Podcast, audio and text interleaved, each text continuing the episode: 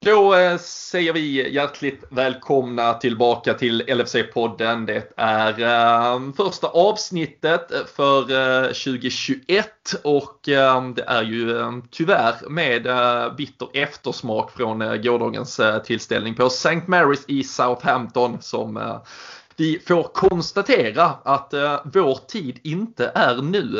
Tuffa veckor de senaste för Liverpool men då ehm, är det ju otroligt skönt för oss att få sätta oss och eh, prata av sig kring det och förhoppningsvis för er att få lyssna, få lite terapi och försöka komma ur det kanske lite, lite starkare. Vi, vi får väl se var vi landar när ehm, den här dryga timmen är över. Ehm, även om det är nytt år så eh, gör vi såklart allting fortfarande tillsammans med LFC.se.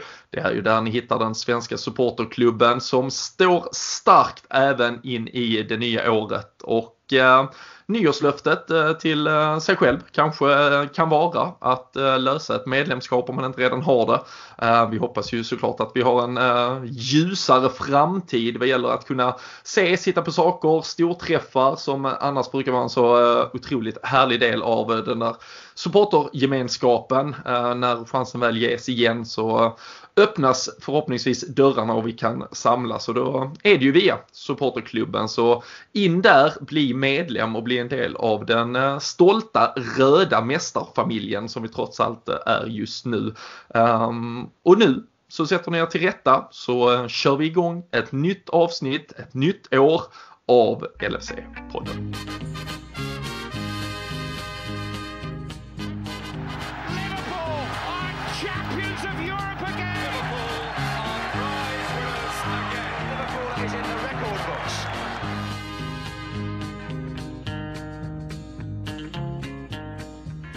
Jajamensan, eh, det är eh, nytt år, nya tag, men det är ett eh, Liverpool som går tungt just nu.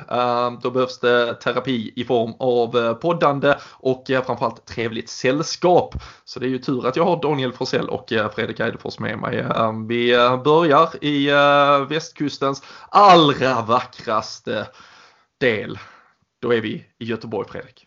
Ja, jag tror du skulle säga den, den, den vackraste poddmedlemmen i väst, på västkusten. Men det är, jag, Nej, då hade jag, det varit hos Daniel. Då hade det varit hos Daniel. Ja, vad bra. Jag, jag, jag, köper faktiskt den Daniel. Daniel är ju den här Kolotoré svärmorsdrömmen som man eh, gärna har så att eh, jag, jag köper det. Jag köper det. Nej men, eh, nej, men det, här, här är det i alla fall bra. Det är, jag fick se min första ordentliga snö idag, även om det inte satt sig så fick jag i alla fall se det med ett kort ögonblick så att eh, lite julkänsla har man väl fortfarande på något sätt. Lite, här, men, lite julkänsla så här femte ja, Precis, men, eh, men vad gör det när man eh, ska behöva sitta och prata igenom som sagt. Eh, jag säger det på ett lite negativt ton här men det är alltid gött att prata Liverpool så är det ju men det är extra, extra skönt för hjärtat när man har förlorat och behöva sitta här med er tre, eller er två, ja, oss tre snarare och ja, helt enkelt lufta på våra tankar. Det är väl egentligen det vi gör nu för tiden när vi sitter här och bara snackar skit och Liverpool. Det är, det är alldeles underbart. Ja, så, ehm, så är det. Hur eh, står det till med eventuella nyårslöften i eh, Borås, Danne? Är det bara att eh, kolla ännu mer fotboll och ligga på soffan så mycket det går? Ja, i stort sett. Vi hade ju, eh, vi tre spelade in senast också och det var ju, eh, var ju inne lite på nyårslöften och eh, det tycker jag, det du säger där låter ju bra och så lägga till att man nu då ska försöka ja, kunna komma på plats så fort som möjligt med nu om de kan rulla ut lite sprutor landet runt och sådär också så att man... Ja, det, det är tufft även utanför fotbollen i England. Det kommer vi väl kanske in på sen också men de har ju stängt ner igen och sådär så man har ju liksom... Nyårslöftet får ju bara bli att så här, håll ut så länge det, det går tills man får eh, åka på fotboll igen. Och ska man sitta hemma och titta och liksom eh, utan publik och allt så, så eh, tycker man väl att man kan få kräva att det ser lite bättre ut än vad det gjorde igår i alla fall. Det har ju det har nästan aldrig varit så här tufft att leda Premier League i alla fall. Det får jag nog fasen säga. Så här, så här missnöjd har jag nog aldrig varit under tiden vi ändå har stått som serieledare nästan. Nej, alltså det, det kan ju konstateras. Vi, vi släppte ju ett eh, nyårsavsnitt. Eh, det var ju det senaste avsnittet här för 5-6 eh, dagar sedan. Där hade vi ju spelat in då ytterligare då, eh, två dagar tidigare. Eh, det var ju precis i den där vevan där de, där de första matcherna ställdes in här igen då uh, i den här andra fasen och vi är väl uppe på tre inställda matcher nu. Idag kom ju besked om eh, 40 positiva eh, coronafall i, i, Premier League där i den. I, visserligen i den testningen som troligtvis har påverkat de här matcherna. Eh, jag tror det var den 28 till 2 januari, eh, 28 december till 2 januari de där testerna var gjorda. Så det är väl delvis det vi redan har sett effekterna av. Men, eh, men sen som du också är inne eh, på Dan, alltså vi hade ju för bara några veckor sedan ett, ett Anfield som började fyllas igen. Man började känna liksom att man kunde kanske andas lite, lite frisk luft, lite positivitet och eh, nu har istället hela England i, i lockdown igen. Uh, Boris Johnson han han hann öppna skolorna en dag, verkligen se till att alla träffades, blandade sig och sen kom han på att skolorna borde stängas istället och så skickade han hem alla. Det, um, man blir inte klok på det landet kan man väl säga. Nej, det är fan helt otroligt alltså. Det, nu, vi ska inte beblanda oss allt för mycket med liksom politik och sådär. Men vad är det tredje liksom nationella lockdownen? Ja. Och det finns säkert eh, någon ytterligare strategi och sådär bakom det. Men liksom han sitter där på presskonferensen med sin eh, kalufs och hela liksom hur han bara framför alltihop så känns det ju, ja, det blir ju parodiskt på något sätt. Man tror ju nästan att det är en lite dålig film innan man inser att det var nyhetsappen och inte Netflix man eh, satte igång. Ja, ja för fan. Och, och, Brexit är ju också ett faktum. Uh, klubbat och klarat eller officiellt då i, i och med årsskiftet. Så vi får väl se var, var framtiden uh, verkligen ligger. Det var otroligt citat från, uh, jag har ju inte faktakollat och det orkar jag egentligen inte göra, men uh, Big Sam hade ju varit ute och svingat kring att West Bromwich hade haft svårt med tre nyförvärv de hade tänkt försöka lösa på grund av Brexit. Så beklagar han sig lite så har ju Paddy Power gjort en reklamsnutt redan när de frågar honom frågor så här, eh, ja, eh, liksom kaffe eller te och allt möjligt och så är det också Brexit eller, li eller Leave eller Remain som de pratade om då. Då var det ju Leave. Så han, han var så jävla Brexit-gubbe rakt igenom och nu tyckte han det var lite störigt med det här jävla Brexit också. Så nej, Big Sam, um, han... Um, han lever kvar.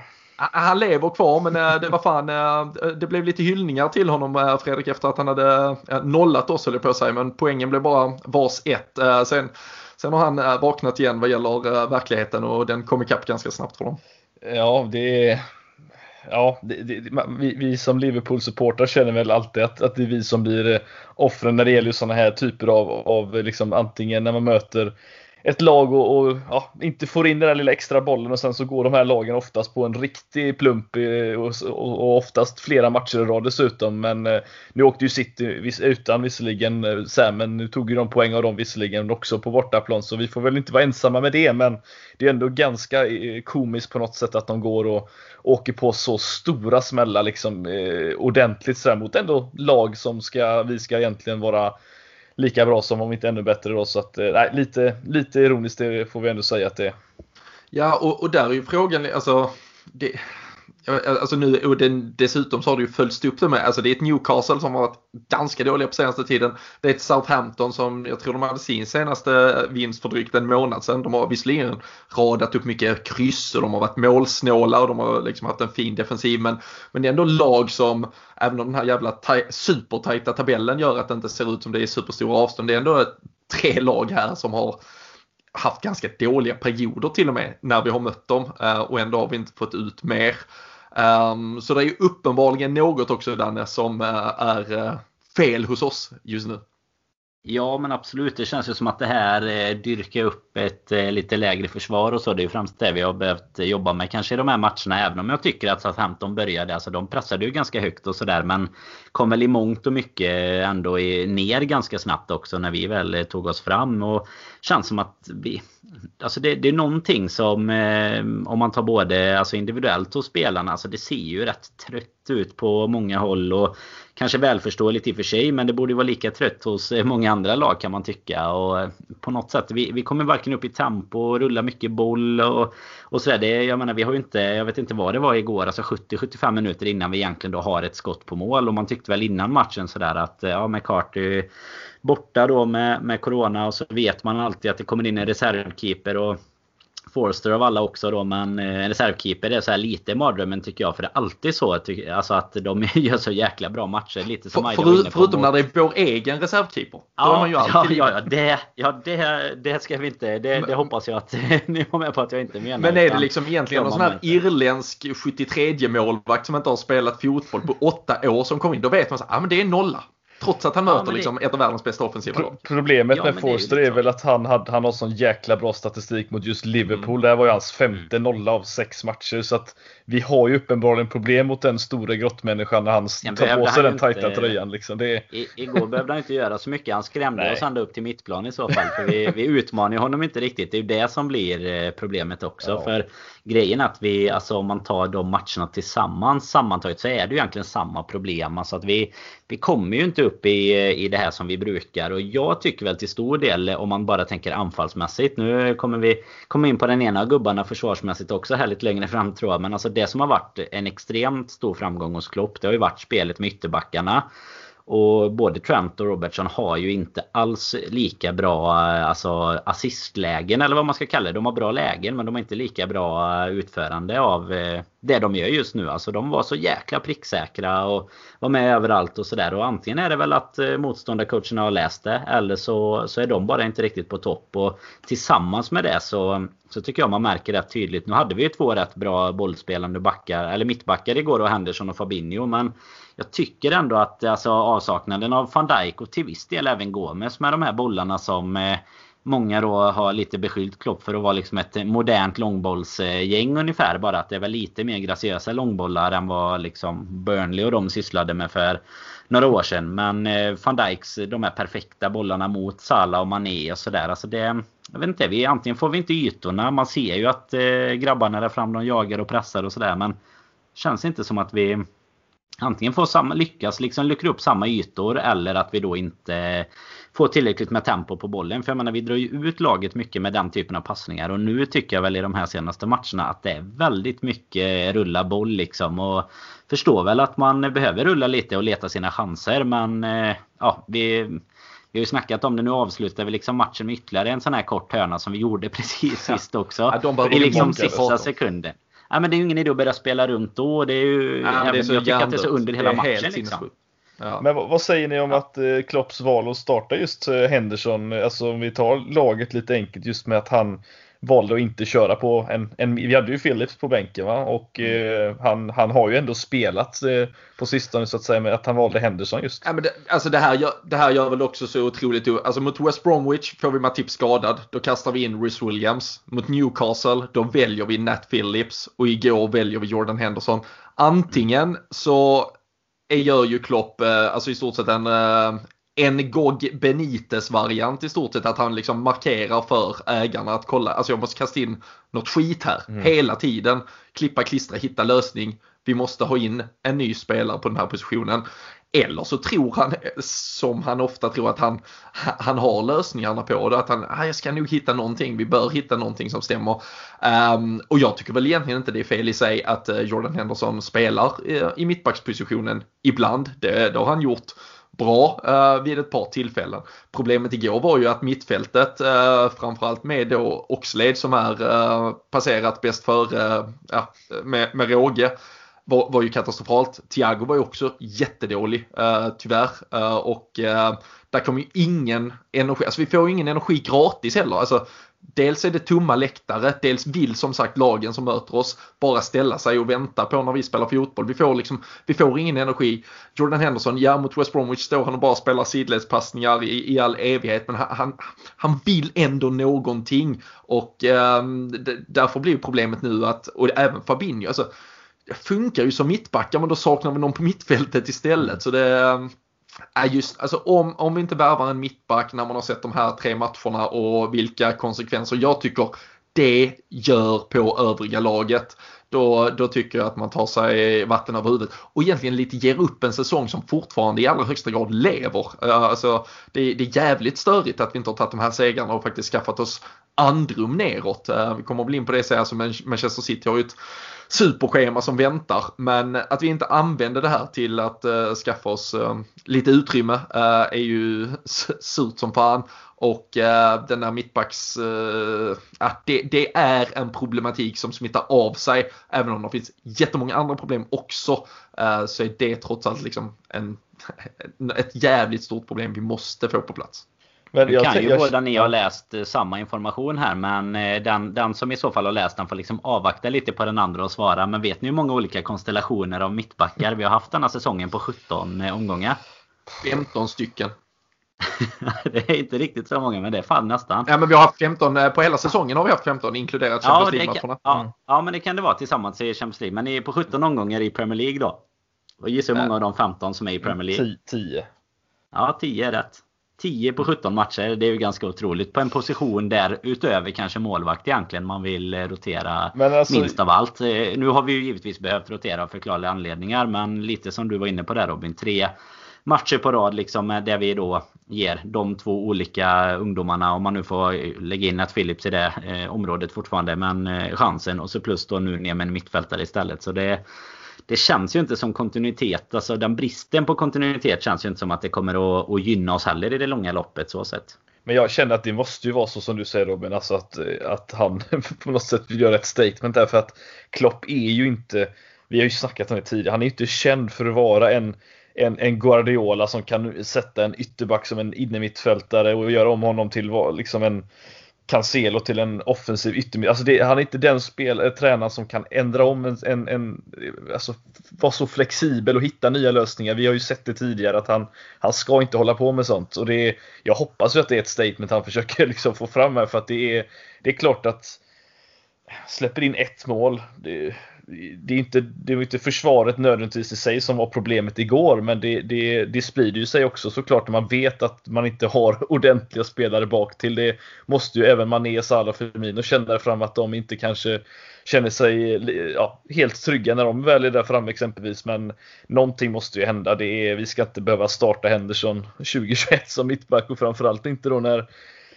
ja, Nej, nej. De förutsättningar som vi har, som du säger, det, det kan glida iväg väldigt snabbt och eh, det är en säsong som är helt öppen, som vi fortfarande, ja, vi sa ju förra avsnittet att vi, vi, vi tror att vi vinner ligan som sagt, så att vi ska ju inte vända kappan här nu, men eh, någonting måste ju ske så att säga för att Fabinho, vi, alltså vi, han, han ska ju spela på mittfältet. Vi vet ju hur viktig han är där i speluppbyggnaden för det första, men också för just att, att avbryta de attackerna som väl kommer i kontringar. Det, det saknar vi nu också för den delen. Ja, och alltså jag, jag, där blev jag, det var någon som kom med det förslaget eh, som, som jag läste igår också när man pratade lite startelvor inför och sådär. Um, som hade det liksom, nej men vad fan kör, uh, kör uh, Rhys Williams och Nat Phillips och så bara få tillbaka ett ordinarie mittfält. Få in Fabinho, Henderson och Thiago på ett mittfält.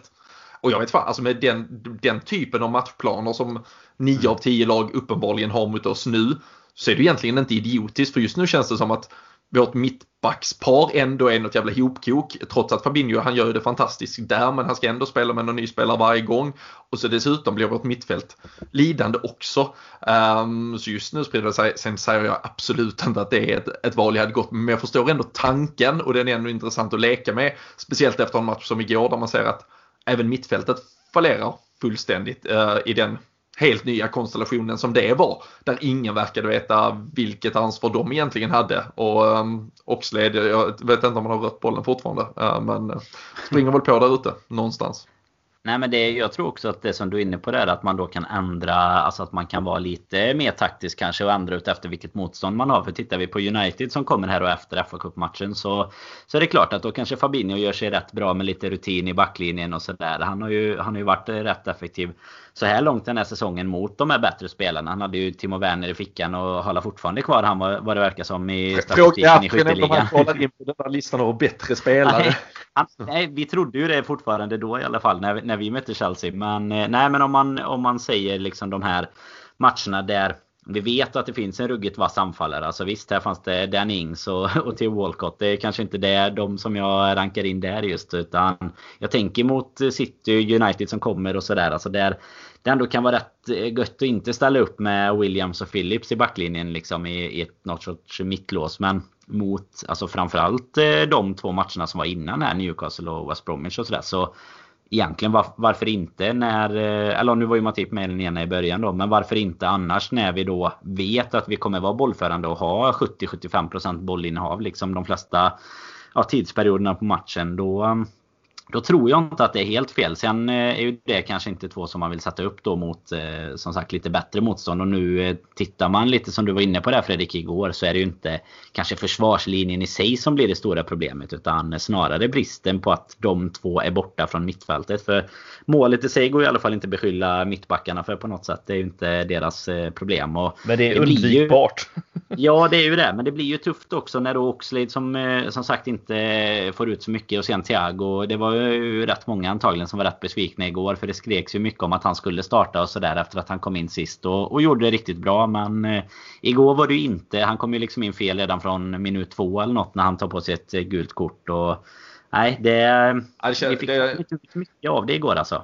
Nej, man, man, ska väl nästan vara glad att äh, ännu en sån där äh, Brexit-människa i form av äh, Mariner inte lyckades få Thiago utvisad. Det kändes som att han let, letade den möjligheten äh, länge. Men äh, Chi fick han. Lyckades han. Annat, han lyckades med andra grejer istället, eller missa andra grejer. ja, det gjorde han ju sannolikt. Såg ni förresten den statistiken på? Jag tror på tio matcher han har dömt Mohamed Salah har han gett Mohamed Salah en frispark. Alltså det det är helt, det är omöjligt. Alltså det är mm. omöjligt en sån spelare. Ja. Alltså jag tror, alltså han kan ju, normalt sett kan han ju lätt få 3-4 på en match. Alltså, alltså han blir ju liksom trippad ja, lite ja. Där, här och där när han vill göra någon omställning eller vad som helst. Igår blev han ju uh, neddragen med ett strypgrepp. Det blev väl inkast istället tror jag till Southampton i det läget.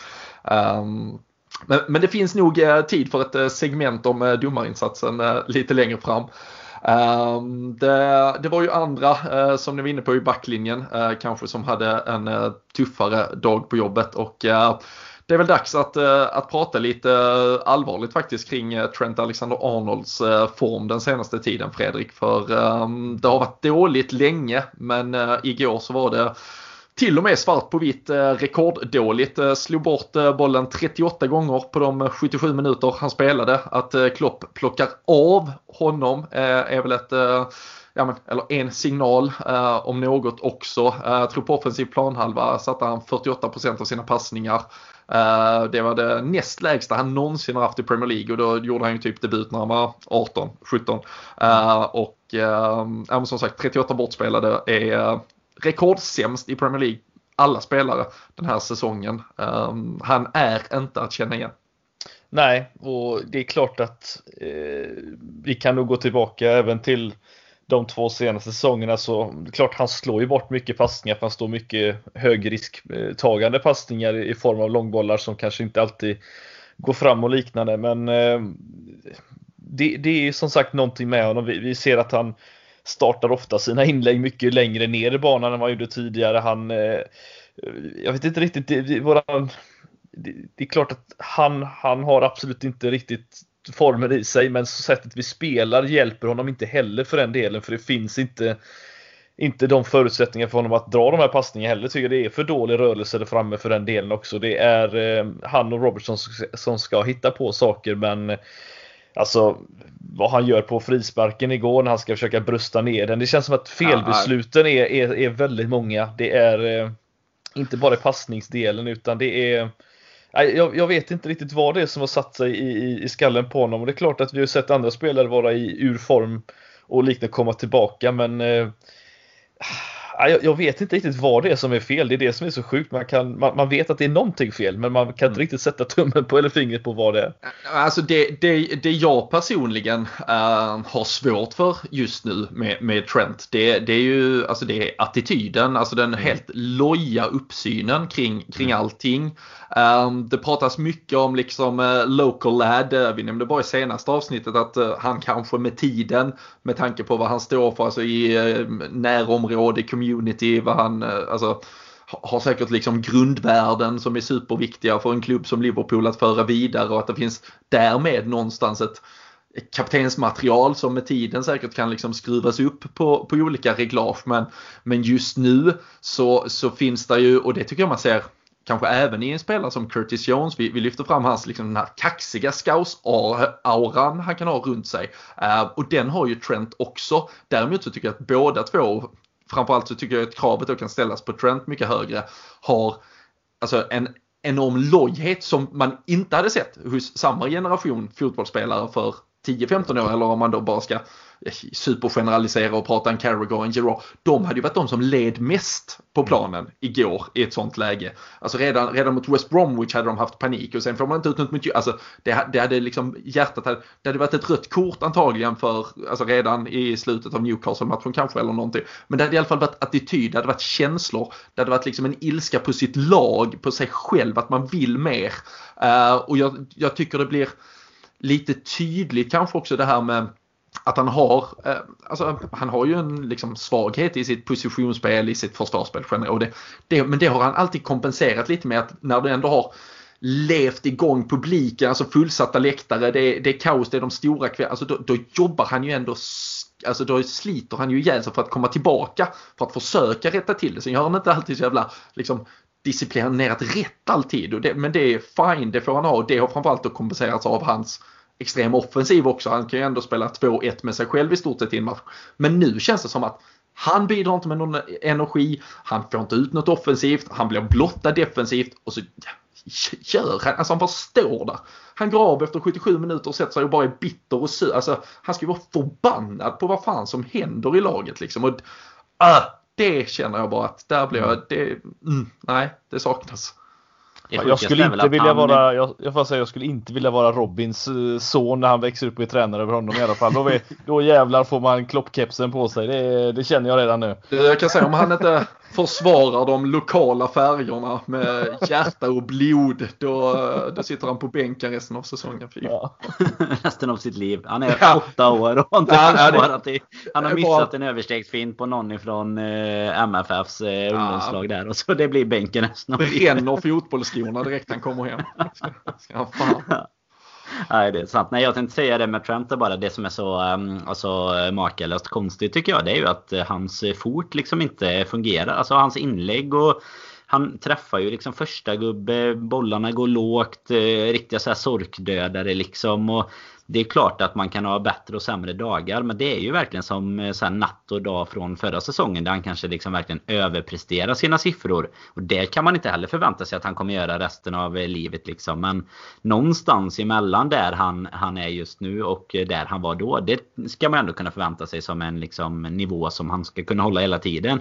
Men nu, alltså att det inte verkligen kommer någon igång heller. Det känns som att han, han ja, den statistiken som du lyfte där Robin, bland annat då att han har slått bort så extremt mycket och att det liksom är rekord eh, negativa aspekter jämfört med hur det brukar vara. Och, nej, det är ju helt otroligt hur man bara kan, kan dippa så egentligen. Och det är väl, jag vet inte om det man ska säga att det är efter skadan eller det, men jag menar vi som lag var vi inte svinbra efter att vi hade eller efter corona-uppehållet överlag. När vi, jag tänkte säga när vi hade säkrat titeln. Det hade vi inte riktigt gjort då. Men, men nästan. Men eh, det är ju egentligen därifrån. Vi har haft någon liten typ av svacka känns det som. Och sen har det ändå gått bra den här säsongen. Som sagt, man får inte glömma att vi är serieledare. Men nu de här sista matcherna då. Där det, ja, det, här med att många säger ju det, vi är trötta mycket matcher. Men jag tycker ju att fan United och City och de här, de har ju tuggat igång nu. Och de har ju haft minst lika mycket matcher. Så mm. argumentet håller ju inte riktigt hela vägen ut tycker inte jag. Alltså Nej, det... frågar vi Trent för att säga så tror jag absolut att han stör sig nog lite på just hur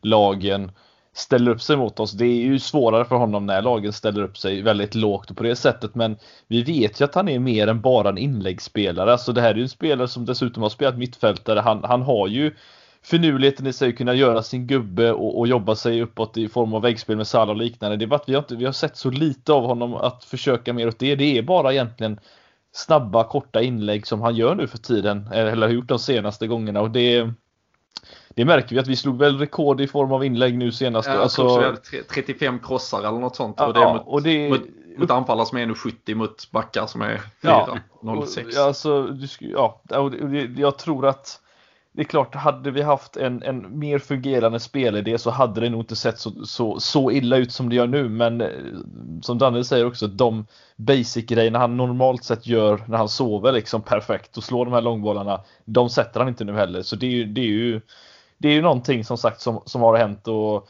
jag kan säga en grej att har du en spelare som kommer tillbaka efter en knäskada som van Dijk eller som Oxlade blir. Det är klart att det tar tid att komma in i form och liksom hitta sitt gamla jag men Trent ska, ja nej, jag, det, var inte, det, var inte, borde inte vara så illa så han borde ha tappat hela sin högerfot kan jag tycka. Nej, och, nej alltså verkligen inte. Och, och där känns det ju, jag håller ju med um, om det du Alltså någon gång känns det ju att vi har litat så mycket på systemet också. Att mm. när systemet inte funkar så vet vi inte riktigt vad vi ska göra. Alltså när vi väl får vi igång eh, två, tre överlapp på Mané och Robertson, då, vet, då kommer vi ha en målchans. Alltså det, det, har vi haft för vi vet att systemet är så jävla bra när det väl funkar. Problemet blir bara när någon stänger det systemet så är ju de andra alternativen alldeles för långt borta. Alltså en som, precis som du är nu, alltså en, en så pass bra fotbollsspelare som Trent ska ju lika väl kunna istället för att slå det inlägget när han vet att han inte är någon, ja men driv in bollen centralt då så, så kommer en Wijnaldum eller en Henderson eller en Milner på ett mittfält täcka över den positionen uh, den sekunden det behövs. Ö sätt bollen på Salah och stick på en överlappning precis som Robertson gör liksom 48 gånger på en match. Det, det måste ju finna, det måste ju också ligga på, dels bör ju såklart Klopp vara tydlig med uh, vilka uh, sådana möjligheter som ska ges och det gäller ju absolut inte bara Trent utan det är ju laget i övrigt men, men också att den men individuella drivkraften att vilja fram, vilja hitta eh, nya lösningar eh, måste ju finnas där. Och, eh, och sen så som du är inne på Danne, det här med liksom att eh, vi har kanske generellt också som lag sett, sett sämre ut sen eh, egentligen coronauppehållet. Eh, där eh, tittar jag också på siffror eh, tidigare idag att Alltså tog vi 30, det var ju såklart superunikt, men alltså 30 matcher fram till eh, det lilla vinterbreaket som var första veckan i februari förra året. Då hade vi tagit 88 av 90 poäng, eh, vilket såklart är helt sinnessjukt. Eh, men eh, därefter på de senaste 30 matcherna så har vi tagit 60 poäng. Ehm, och det är alltså två poäng per match. Tar vi två poäng per match resten av den här säsongen så slutar vi på 75.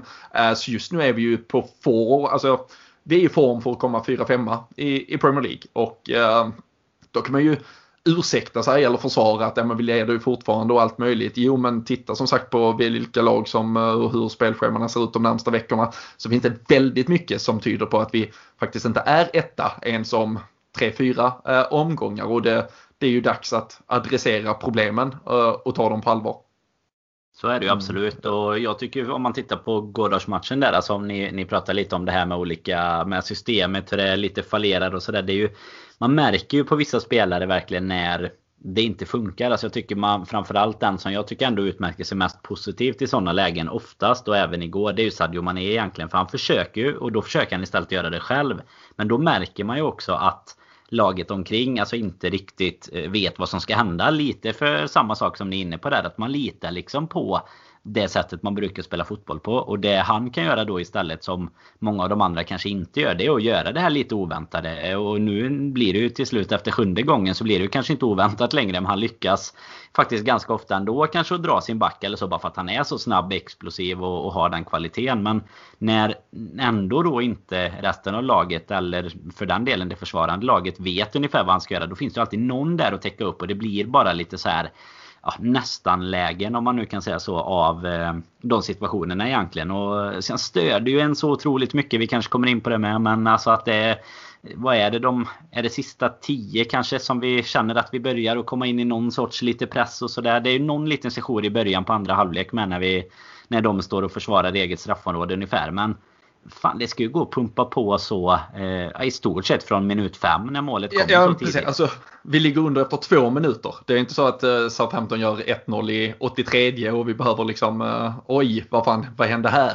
Alltså, det, det, ska så... ju finnas en plan för det på något sätt känns det som. Alltså så här, ja, nu är det som det är. Då vet man, de kommer ju backa hem lite mer än vad de hade tänkt kanske om de får ett mål efter två minuter. Och då måste man ju bara kunna Alltså pumpa på på något sätt. Alltså bara måtta, blanda skott med inlägg och så. Vi skjuter ju ingenting nästan. Och jag förstår att det är tio man kanske i vägen vissa gånger. Men det är ju för att vi själva är så långsamma på att spela oss fram till lägena. Jag menar det, det fanns ju sannoliken lägen att eh, ta ett skott eller spela fram lite snabbare. Men då spelar vi hem, snurrar runt, väntar på våra nya chanser liksom. Så nej, någonting Ja, men där tycker jag återigen det blir det här alltså, system. Alltså det, är, det är ju ett läge där Robertson får bollen alltså två meter från målvakten och så skjuter, alltså han slår ju istället snett inåt bak. Han, alltså mm. det sitter så jävla mycket i hans huvud. Varje gång jag har bollen ska den snett in. Han hade nog fan kunnat stå på mållinjen och slå bollen snett inåt bakåt. För det, ja, men, alltså det, det var, jag tyckte det var helt alltså, skjut bolljäveln på mål någon gång åtminstone.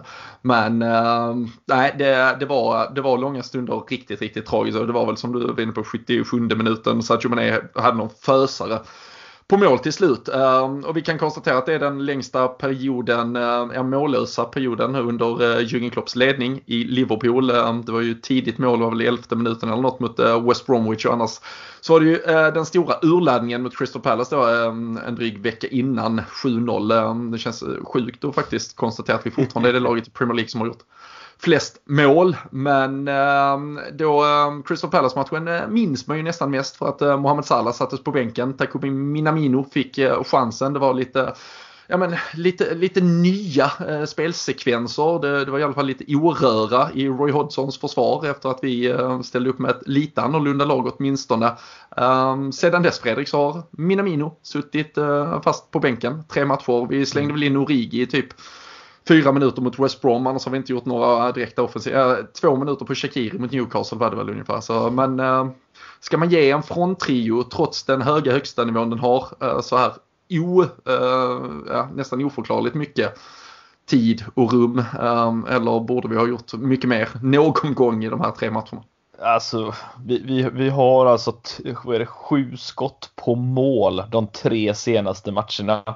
Alltså sju skott på mål ska du, alltså det är vi, vi, det är ju ett systemfel vi pratar här och då, spe, och då spelar det egentligen ingen roll nästan vem som spelar. Alltså vi, kom, vi, vi är för lätta att läsa av men det kommer ju självklart att hjälpa om du har en spelare som de motståndarna kanske inte har spelat mot lika mycket. Alla vet ju hur Mohamed Salah fungerar i slutändan. Sen är han ibland väldigt, väldigt bra på det han gör och då kommer han komma till avslut och mål. Men som du säger med Minamino, alltså att han inte får en chans vidare, det kan jag faktiskt inte förstå för att jag Sadio Mané håller jag med Danne, alltså, han är den enda som får någonting att hända även om han inte det händer någonting extraordinärt så någonting är det som han vill göra som får oss att gå framåt och hitta nya möjligheter. Sen att det blir ett skott i 70-100 minuter, det må så vara, men han får det i alla fall någonting att hända. De andra två får ju ingenting att hända. Det är helt knäpptyst kring dem.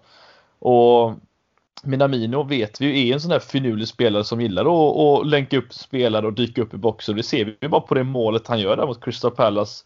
Alltså finurligheten han, han visar upp där. Jag, jag kan inte förstå att han inte får spela för att de här tre där framme är Även om Salah har gjort många mål och leder skytteligan så, för tillfället så, och en del har visserligen varit straffar då så eh, de, de har inte alltid i världen där framme för att eh, vi, vi, vet ju inte om de har nått sin peak så att säga att de inte kan bli bättre nu, det, det vet vi ju inte men de höjderna de har spelat nu de senaste säsongerna jag skulle inte kunna kräva att de ska hålla den nivån hela tiden. Det är ju det som är problemet. Så någonting måste ju hända här och eh, att han sitter på bänken och inte ens får spela, det, det tycker jag är, det är rätt dåligt faktiskt.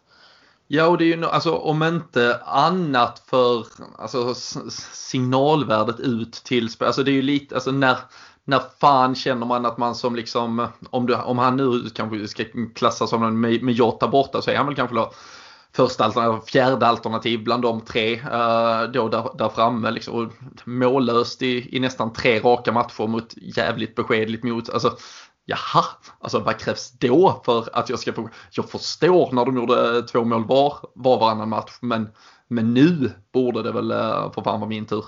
Och um, ja, alltså matchcoachningen har ju, har ju sannoliken lyft. Det, det var skönt här de senaste två åren när man aldrig behövde prata om det för allt var, allt var rätt direkt från början och vi bara flög fram. Men uh, man känner ju alltså man ska ju inte måla fan på väggen, men lite när de eh, gör det är ju såklart färgat av West Bromwich och Newcastle. Men när Southampton gör 1-0 efter två minuter, då känner man ja, det, det kan ha varit det. Liksom. Ja, det var ju inte eh, jätte Eh, alltså det, det, är ju som du säger, man har ju ett helt annat ingångsvärde än om eh, 7-0 mot Pellas hade varit matchen innan. Men det blir ju också lite signifikativt att vi släpper in det målet direkt då. För vi var ju ändå inne på det med Trump där. Alltså, vi hade verkligen inte behövt släppa in det målet. Det, det hade kunnat skötas på ett så mycket bättre sätt. Jag menar det är bara strunta i att försöka ta ner den på bringan och, och liksom backa lite och ta den på foten eller nicka eller vad, vad som helst liksom. Så att eh, det är ju lite den här lojheten eh, som jag ändå kan tycka finns rakt igenom, inte bara hos honom. Eh, det är liksom någonting, det är den här sista sharpnessen som saknas någonstans i eh, i spelet hos spelarna och vad det beror på. Det är jäkligt svårt att säga. Klopp är ju inne på efter matchen och, och berättar ju att jag, jag kommer, spelarna kommer få veta att jag är arg. Liksom. Och han pratar ju om mycket andra saker också. Bland annat du lyfte Salas statistik med Andrew Mariner och han lyfte istället eh, och sa något om att eh, det han gör mot Sadio Mané idag. Jag vet fan inte ens om det är okej okay, liksom. Men vad, mm. vad man nu vill läsa ut av det. Men det, det kan man väl förstå lite vad han menar. Och ja, det, man märker ju lite på Klopp också. Vi pratade ju om det, du och jag Robin satt ju med grabbarna från Lelle Kings knä där innan vi fick tvåla dit dem. Och allt var frid och fröjd här för det är ju inte mer än två, tre veckor sedan eller någonting. Men eh, då snackade ju de lite om Klopp upp och hur det, han är efter förluster och, och kryss och sådär. Vi har inte behövt se så mycket förluster de senaste åren. Men man märker ju att det är lite, alltså han, han är duktig på ändå att sätta någon sån här vi mot dem med, med, laget. Men det är ju saker som ligger och skaver. Liksom han lyfter ändå Uniteds eh, straffstatistik och liksom han lyfter såna här grejer som man ibland känner är Ja, det, det, blir lite liksom bitterhet efteråt också. Man märker att det verkligen brinner i honom. Och eh, jag hade ju fasen varit lite rädd om jag jobbade på BT eller Sky och skulle in där och intervjua honom. Liksom, det är tur att de får det här social distancing nu. Och de körde väl till och med den i och för sig eh, på håll igår. Men annars, eh, han kan fan elda upp sig rätt bra den nu alltså. Även när pandemin är över så kommer tv-bolagen välja att köra eh, Klopp på Zoom-länk bara. Vi, äh, alltså så länge det går så här. Ja, ja för fan. Um, ehm, avslutningsvis uh, kring matchen, vi kan ju bara konstatera att det är en så jävla smärtsam förlust och kreativitet saknades uppenbarligen. Uh, Fredrik är en spelare vi har pratat uh, mycket om, tyvärr oftast för att det är kul att se han ibland men sen plötsligt försvinner han nu i en period när han är borta. Men vi kan faktiskt också konstatera att med Naby Keita den här säsongen har Liverpool 7 Premier League-matcher, 25 gjorda mål. Utan har man 10 spelade matcher och 12 gjorda mål. Um, vi har kanske konstaterat att eh, just eh, det här faktumet att han faktiskt har missat eh, fler än vad han har spelat gör att det långvarigt inte är en hållbar lösning. Men ehm, det är ju ändå någonting som säger något om att mittfältet allt som oftast inte hittar rätt balans. Att han är den typen av spelare som ändå förändrar matchbilder där inne. Mm. Nej men det är vi, vi, vet ju vilka höjder han, han kan och han har ju haft eh, vissa matcher. Det har ju varit vissa matcher vi har pratat om här i podden då, då man sitter och tänker, ah, herregud, han, han är ju helt unplayable. Alltså han är ju helt makalöst bra. Han står ju för alltihop och vad, vad fin han är och vad, vad god han är i vändningarna och han bidrar med så mycket. Men så just att det sker så sällan då. Det är det som är problemet. Men jag tycker det här egentligen snarare bör vara ett tecken på det som kanske är vad problemet är för oss. Och det är ju att den där extra mittfältaren som har det där extra i sig. Vi ser Bruno Fernandes i, i, United hur mycket poäng och mål han ja, erbjuder dem. Ta bort honom så händer det en hel del där. Samma med De Bruyne. Alltså det finns ju de här mittfältsspelarna som länkar upp med anfallarna som är extremt viktiga för de här topplagen och eh, när vi har Henderson, Wijnaldum och en Fabinho eller en Thiago eller vad nu kan vara. Thiago spelar oftast lite längre ner i det här fallet då men det är inte samma kreativitet och de länkar inte upp. Jag tycker att det utan honom så blir det, då blir det tre spelare fram och sen blir det ett mittfält, sen blir det försvar. Men mm. med Keita så upplevs det i alla fall som jag tycker det var alltid var så kul i början med Klopp där man fick se Lalana att man, man, man hade ju snarare en front fyra på något sätt för att han länkade upp hela tiden med dem, dem där framme. Även om inte Salah var där då så var det ju en, en extra spel att hålla koll på och det är han riktigt, riktigt bra på Keita.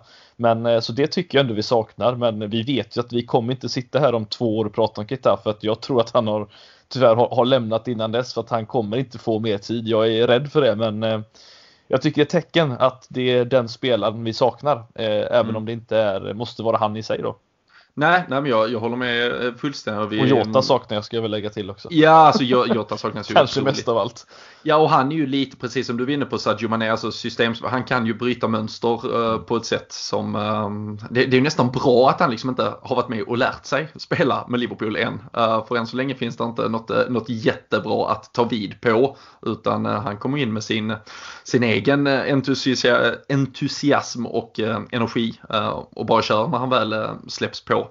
Men uh, nej, det där är ju ett, ett stort problem uh, med, alltså det är ju ett, ett fy, fysiskt manfall i, i försvaret. Där är absolut jättedålig form på en Trent Alexander-Arnold och uh, men det känns egentligen som det alltså offensiva grundspelet nästan är liksom där, där den stora skon klämmer just nu. Vi, vi måste ju få till ett målskytte. Um, nu är det Aston Villa i FA-cupen. Uh, ehm, vi ska prata lite om den. Um, sen är det ju alltså Manchester United, Burnley som väntar. Um, det börjar bli viktigt med, med vinster där när, eh, när Premier League väl uh, drar igång igen. Ja, verkligen. Och det går ju fort eh, en sån här säsong när liksom inget lag riktigt har kommit igång och dratt iväg eller sådär då. Alltså det händer ju mycket när man eh, tappar. Alltså vi hade ju, tyckte ju ändå att vi hade bildat oss en liten marginal där. Och sen tappar man några matcher och då är man tillbaka. Och nu är vi ju faktiskt inte ens... Nu är vi joint top som alla United eh, gamla spelare och kändisar säger på, på sin Rio Twitter. Men nu är...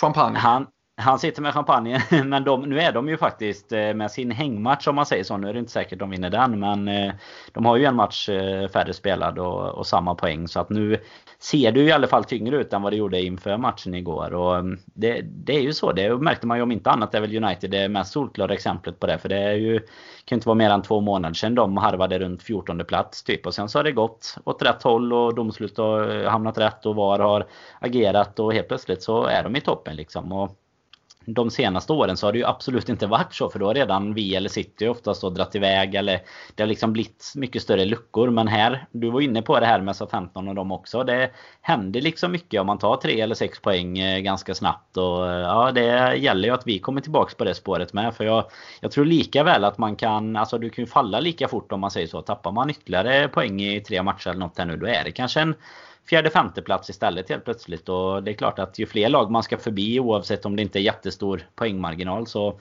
så är de så, samma matcher som ska spelas. Jag menar det blir ju det blir tuffare än att bara jobba enmanskamp mot City egentligen oavsett eh, ja, hur läget är innan. Det är klart, vinner bara vi och City så kan det, kan det vara tuffare. Men ju fler lag du har där uppe ju, fler, ju viktigare blir ju även de matcherna. United-matchen kommer vi vid ett framtida avsnitt såklart att ta upp. Men den blir ju, det är ju en så kallad sexpoängsmatch om man ska slänga sig med sådana här klassiska mm. fotbollstermer.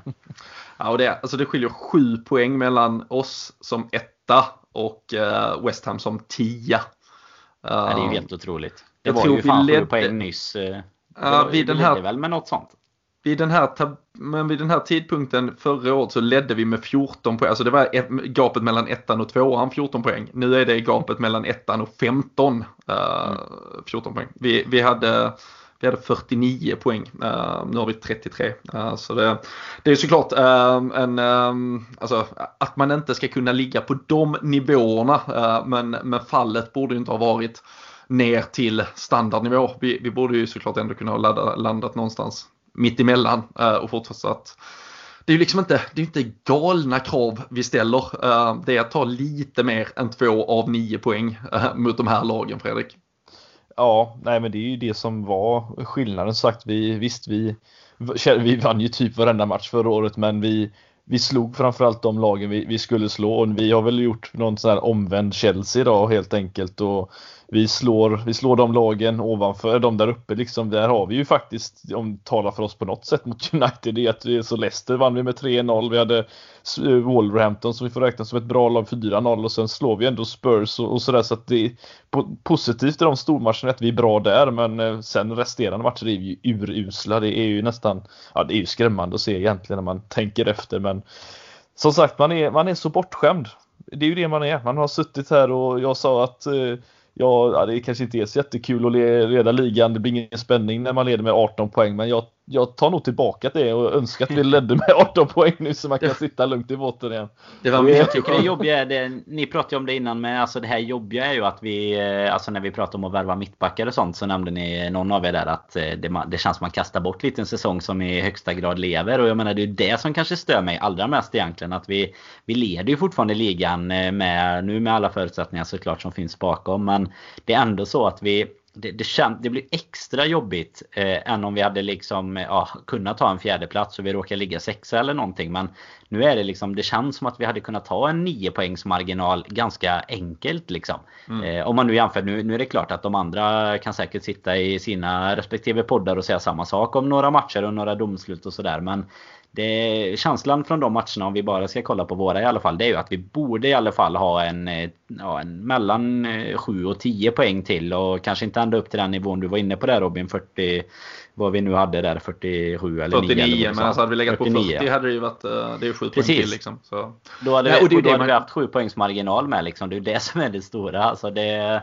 både marginalen men även att vi då hade varit på en lite eh, högre nivå såklart spelmässigt. Ja, och det är ju det man känner med hela hösten. Alltså, samma sak där. Hade City legat på alltså, gamla hederlig City-Liverpool-nivå och däremot haft typ 46-47 poäng. Då hade man någonstans sagt. Okej, okay, de stack. Vi, hela hösten för oss, den förstörde. Vi, vi har haft skador på varenda jävla spelare i stort sett. Uh, det blev inte den säsongen där det gick.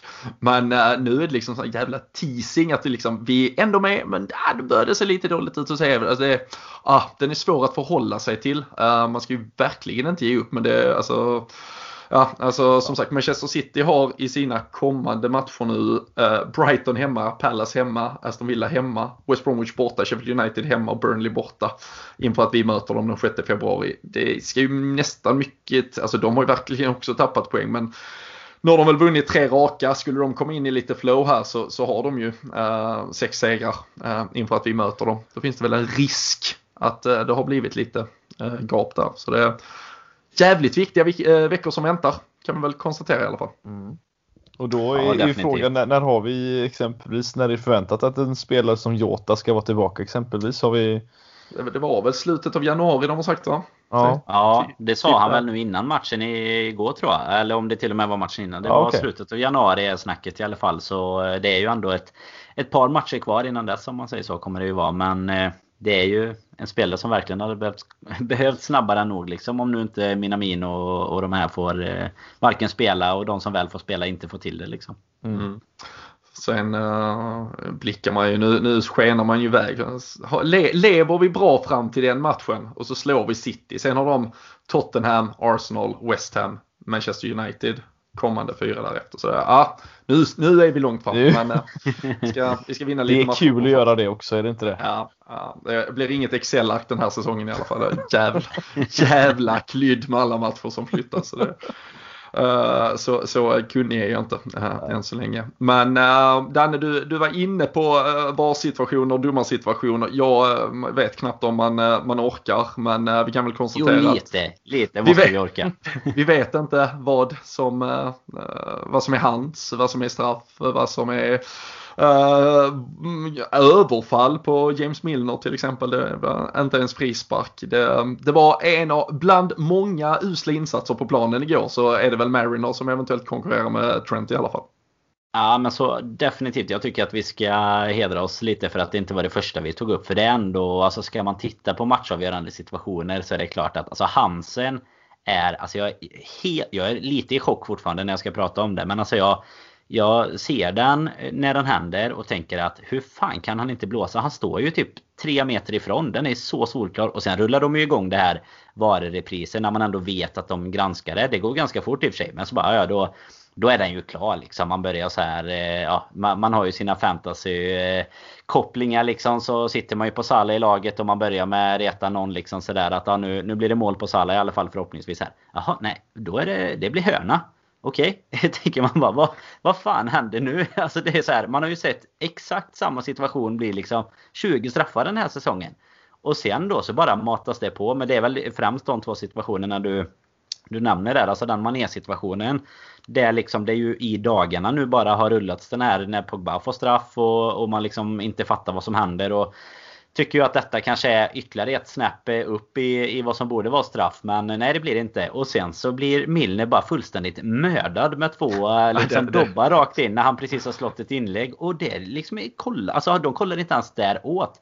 Sen tycker jag att i tillägg till alla dem så är det ju sådana här smågrejer. Alltså det är ju den här när eh, Mané blir lyft typ av Walker Peters är det väl någon ja, ja. gång precis i utkanten. Alltså oavsett om eh, det måste vara just straff eller vi kunde tagit en frispark. Men att det inte ens, det är inte ens liksom nära att det blir något. Han behöver börja, det rycker inte ens i piparmen liksom. Och jag känner du som eh, forn stordomare måste ju liksom, det måste ju göra ont i domarhjärtat att se en sån insats liksom. Du måste ju undra vad han har, vad han har gått på. Ja, vi kan säga, hade man, hade man behållit någon del av eh, domarhjärtat så hade det ju blött sönder den här säsongen. ja, det, det har jag liksom jag gröpt ur mig och krossat. Kollegan Andrew Mariner säger de. Ja, ja, precis. jag, jag vill vara kollegial här och inte hänga ut någon. Men, Robin ja, har skickat är... i interna domar, domarchatten på Messenger nu att what, what the fuck did you do mate? It, it's my teammate. Fucking hell.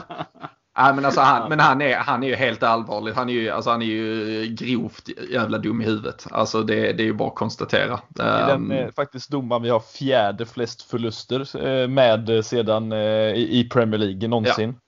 Nej men alltså det, jag, jag, tycker det blir upp, alltså jag, jag tycker det är bra att uh, Klopp nämnde, den delen tycker jag att han gör bra. Alltså när han nämner Sadio Mané där, alltså jag vet, alltså när han verkligen i stort sett ifrågasätter. Jag vet inte om han liksom, han säger ju alltså mellan raderna typ är, är han rasist eller har han bara något ja. personligt emot Mané eller vad, vad är grejen? Men liksom att, att fria så mycket att inte ens vara där och sen dessutom varje gång man är då försökte ja, kanske trycka tillbaka lite för att ja, men då ska jag fan sno tillbaka bollen. Alltså spelar för att verkligen visa att ja, men då, då får jag väl spela fotboll då. Så, så blåste han ju mot honom istället varje gång så det blev ju parodi på det till slut. Och eh, att dessutom då ha den straff, straffsituationen på Mané där, där det, jag, jag, tycker inte den ska vara straff men just som du säger, alltså med tanke på att Pogbas var en touch på benet för ett par dagar sedan och då blev det straff. Och sen så handbollen, alltså Alltså, där, där är ju stillbilder på att handen är i naturlig rörelse om man säger, eller in till kroppen. Men det är ju för att bollen har skjutits det. Han kastar ju sig med mm. högerarmen ner till vänster om sig. Det är otroligt märkligt. Så man, men man blir, jag, jag kan fan säga, där har jag, där har jag bara gett upp fullständigt. Alltså, får man något så får man Jag räknar fan inte att man får någonting hädanefter i alla fall. Ja, men det sjukaste är att man inte heller vet när man ska kunna räkna med det. Och när ska de granska det? Och liksom Alltså det, det är sån eh, Alltså vi har ju sagt det så många gånger nu det blir ju nästan tråkigt. Man känner ju Man känner ju hur alla som inte håller på Liverpool Man fattar ju att de tycker att man är bitter. Men alltså tittar de på matcherna Det är ju bara att konstatera att eh, Alltså statistiskt sett det kan ju, Vi är ju överlägset liksom. Vad ska man säga Värst i liksom så här var statistik och sånt också. Alltså att vi får minst beslut med oss och sådär. Och vi har ju haft så extremt match matchavgörande situationer den här säsongen. Och vänd på det då. Ta, jag kan vara lite klopp och också vända på det och jämföra med United. Liksom, där de har 8 av 10 segrar. Där har de, nu ska jag inte säga att de bara har vunnit matchen eh, på grund av ett VAR-beslut. För det är ju ett, en boll som ska rullas in av Bruno Fernandes och sådär också. Men eh, det, det är ju ändå 8 av 10 vinster har de ändå haft ett eh, liksom, positivt beslut med sig om man säger så. Då. Det är ju helt sanslöst och det, ja. känslan är väl att vi har fem i alla fall om jag nu ska jag inte säga alla på, på rak arm liksom så. Men att som, som är tvärtom. Alltså det vi i stort sett hade vunnit matchen om det inte hade varit för ett eh, negativt valbeslut om man säger så då. För vissa mm. har vi ju faktiskt lyckats att, att vinna ändå till slut. Även om vi, vi har fått jobba i lite motvind. Men eh, man vill ju inte tro att det ska kunna vara något, någon skillnad på olika lag. Men igår... Eh, eller droppen är ju över varje gång. Men alltså igår det blir ju bara så här. Man blir ja, lite, alltså, lite mer energilös för varje sån ja, typ Ja, och liksom, man, man kan ju liksom vara konspirationsteoretiker och tycka att Mariner har något uh, emot Liverpool. Jag vet inte om det har med just Liverpool att göra eller just våra spelare att göra. Som sagt, det blir, det blir, jag tyckte det blev så uppenbart med Mané igår och sen när man då ser statistiken på Salah uh, historiskt liksom på, det är ju liksom sen han kom till Liverpool. Vi pratar om han fått en frispark uh, av honom. Men, men han hade ju bara bestämt sig i alla fall. Jag kommer inte igenom fri. Alltså det var hela tiden direkt det var en sån situation också så var han ju verkligen nej, igång med spelet, igång med spelet. Alltså det var verkligen för att visa, jag kommer inte lyssna mm. på någon annan. Alltså, så det, det hade inte spelat någon roll vad som hände igår. Och där, och där måste ju domarna snarare, där måste det finnas i alla fall en tydlig linje att ja, men, nej, nu tar vi det lugnt vid varje sån här situation för vi vill kolla. Alltså jag är egentligen mer för det Mariner någonstans gör mm. igår. Att nej, jag tyckte inte det var straff så spela nu för fan. Men då kan vi inte ha att 9 av 10 andra domare vill titta på varenda repris i, i 10 timmar liksom och, och, gå igenom om det kanske har varit något hårstrå som trillade ner och, och fällde någon liksom. Så um, nej, uh, just nu är det uh, man är tillbaka, det är ju kryddat med att liksom, uh, spelet uh, suger och det känns som att uh, det händer inget med någon jävla mittback och allt och så detta på toppen och publiken försvinner igen och man bara känner att ett mörker. Men, um... Problemet är väl det att sådana här, såna här matcher eller så när man upplever det och blir så uppgiven som, som du beskriver som jag också blev när man, när, man, när man kollar på det. Det är ju att det, det händer ju alltid en sån match när man förlorar oftast eller liksom inte, inte vinner en match. Alltså då går ju allting emot den i slutändan. Vi, vi är ju, alltså man känner ju sitt Liverpool bättre än någon annan i slutändan och som du, som du sa förut, släpper man in i början där så tänker man och så har man ett gult kort på Thiago och liknande då vet man ju att ja, men vi är ju egentligen fair play-laget. Vi drar inte på så mycket gula kort och så står vi där med två gula första 15 och då vet ja. man ju att ja, det här kommer inte gå. Alltså, jag har sett Liverpool så många gånger så jag vet, jag känner mitt lag. Jag vet vad som kommer att hända och sen så vet man då på, på det, liksom plus på det så har man då en Mariner som inte ger någonting. Alltså det är inte så att, det, att domaren är så dålig mot ens lag när man vinner med 5-0 för då händer det inte. Men det är när man förlorar, det är då de här eh, prestationerna. Det är då man märker dem. Ja, det är då man märker liksom. dem. Ja, men precis. Det är då de här Det är då du behöver marginalerna. Ja. ja, och det, jag vet inte vem, vilken journalist det var vi var avslutade med det som, som skrev igår så himla bra att ja, Liverpool kanske inte skapar eh, eller liksom så, spelar så bra som de ska göra eller har gjort tidigare. Men det betyder inte att du inte ska få rättvisa beslut med dig i slutändan och det är precis det som jag tyckte var att okej, okay, vi kanske inte alltid ska räddas av en straff att man får precis som mot Fulham det var riktigt usla liksom. Men men det är fortfarande så att du ska förtjäna din straff om det är straff. Det spelar ingen roll hur dålig du har varit och det var ju det man känner att vi straffades på något sätt igår och det är det, det, det, är svårt att ta i det men... Eh, ja, men det ändrar ja, ju även matchbilden. Jag menar får du en straff på typ Hansen, det ändrar ju matchbilden om vi ja, gör ja, rätt det, till exempel. Alltså det är ju sånt som man inte får glömma även om man då tycker att nej men vi skapar inte tillräckligt eller vi fick inga skott på mål och sådär. Nej, möjligen är det så men man måste ju också tänka på alla sådana här alternativ som händer om man faktiskt också får med sig den typen av domslut. Och det är ju precis så som även innan var det ju så lag har vunnit eh, Alltså vunnit de här jämna säsongerna tidigare. Det är ju på något marginellt domslut som, alltså inte bara på ett kanske, men alltså att du har du har de här 2-1 segrarna men det är bara att kolla på förra säsongen på alla våra segrar som vi tog på den här otroliga raden av vinster. Det är klart att alla såg inte, det var inte klang och jubel varje match liksom utan man gnetade till sig något, man fick en sen straff och, och sådär. Alltså det är sånt som kommer tack vare att Alltså dels då givetvis att man har marginalerna med sig men också av att man fortsätter att spela sitt spel om man säger så. Jag menar hade vi då istället ja, fått eh, liksom något med oss mot eh, Newcastle säger vi. Det finns ju någon situation därifrån med. Vi får något med oss igår. Alltså det är så här. Hade två av de här matcherna varit segrar och ett kryss på de tre matcherna VBA, Newcastle och Southampton nu. Då hade man ju inte alls suttit här och varit lika besviken på resten av de bitarna. Så att på något sätt så måste man ju ta det i beaktning med när man tycker att det ser uselt ut. Att ja, fan hade vi ändå bara fått det som till och med kanske den objektive skulle kunna säga igår, i alla fall Hansen då, är straff då, eh, då ser det annorlunda ut. Och något som jag hade tyckt var jäkligt intressant och som jag inte tycker egentligen borde vara för mycket begärt. Det är ju att Alltså VAR-domaren eller huvuddomaren eller båda tillsammans. De får liksom Alltså en, eh, en 10 minuter, en kvart efter matchen eh, så, så får de liksom ta de besluten med någon, något av TV-bolagen. Jag menar alla spelare, managers och sånt står ju och blir utfrågade på Varför gjorde du inte si? Eller varför bytte du inte in han? Eller varför passade du bort den bollen liksom? Vad fan domarna kan väl också få säga så här. Ja, det, det är tre ifrågasatta domslut här liksom. Varför dömde du inte straff på den Hansen? Ja, då får han säga att där vi eh, bedömde det så här. För jag menar, nu har de ju tekniken för att titta på det.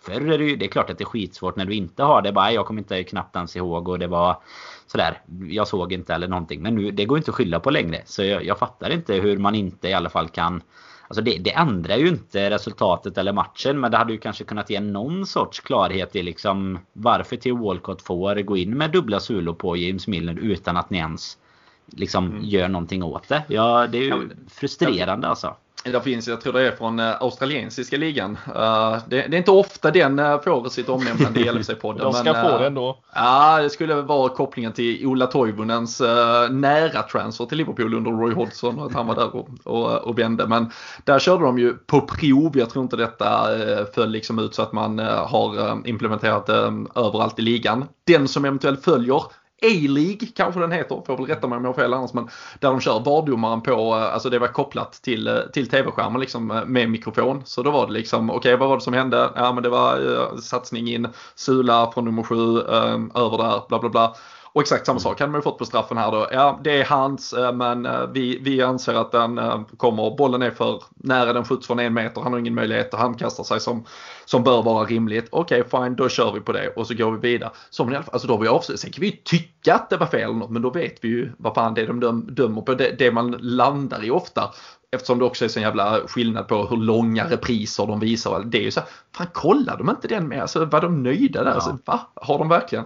Så nej, men uh, vi lovade att försöka liksom bearbeta den här matchen. Nu, nu landar vi i en VAR-diskussion i slutet. Det, det får folk... Jag får fråga, jag får hoppa in och fråga dig en grej bara Robin. En bättre koppling. Jag vill ha en, en lite bättre koppling för att muntra upp er här lite då till australiensiska ligan. Robbie Fowlers tränarkarriär ja. i Brisbane. och, och ska vi säga lite spelarkarriär också. Han var där och spelade. Ja. Jag kommer fan inte ihåg vad laget hette. Det var någonting med... Det finns något område som heter Queensland. Det var någonting med det. Men jag kommer inte ihåg vad... Så slänger vi in Harry Kewell också så har vi en australiensisk hattrick. vi har det väl en, en, varit, en, Det skulle varit bättre koppling faktiskt. Har vi en till Australien? Äh, Brad Smith va? Ja. ja. Jo. jo. Mm. Se där. Där har vi uh, en karriär som tog fart.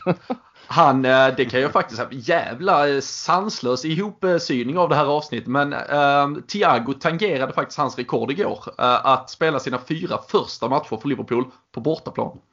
Oh. På en sån sak. Det är Brad Smith innan dess som också bara hade spelat på bortaplan innan, tror jag, femte matchen blev en, en, en match på Anfield. Så um, det hoppas vi väl att det blir för Thiago och nu kanske han spelar mot Aston Villa på, på fredag.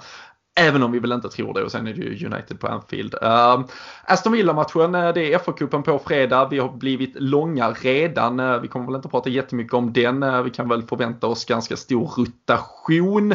Ehm, vi har ju faktiskt inför 2021 också putsat upp ordentligt vår eh, Patreon-sida. Eh, vi har ju eh, länge sådär i förbifarten ibland nämnt att man kan gå in där ifall man vill stötta podden eh, lite extra. Eh, nu har vi också kunnat eh, göra jobbet för att eh, säkra att man får eh, en hel del roligt mervärde av att eh, vara Patreon. Det kostar ju 2 dollar i månaden. Den där chipspåsen man kanske har lovat sig själv att skära ner på. Det är bara en av tio påsar på en månad man behöver ta bort så, så är det lugnt. Men där så kör vi dels våra tipstävlingar har vi ju flyttat över så det är ju utlottningar från eh, Sam Dodds eller tävlingar kring eh, matcherna varje match. Eh, ingen som hade 1-0 till Southampton igår, men det var faktiskt jävligt kul att se.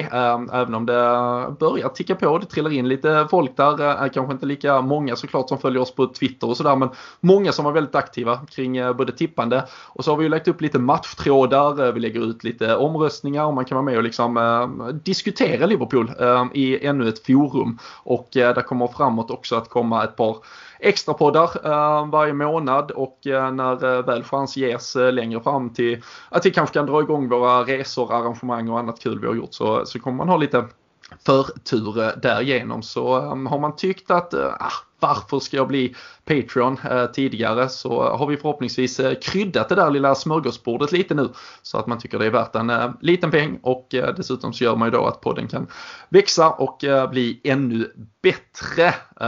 Vi lovar att försöka hålla uppe vårt humör även om Liverpool inte vänder denna trenden i närmsta veckorna. Men det hoppas vi verkligen att de gör. Så att så blir det glada tongångar även här. Ehm, vi eh, tackar eh, för att ni har varit med oss. Det här eh, första avsnittet för i år. Ehm, Patreon.com LFC-podden är länken eller så bara laddar man hem appen supersmidig och så kan man söka LFC-podden så är man med i allt gott snack där. Men ehm, tack för att ni är med oss, tack för att ni lyssnar och så hörs vi och ses vi när vi väl kan. Ta hand om er.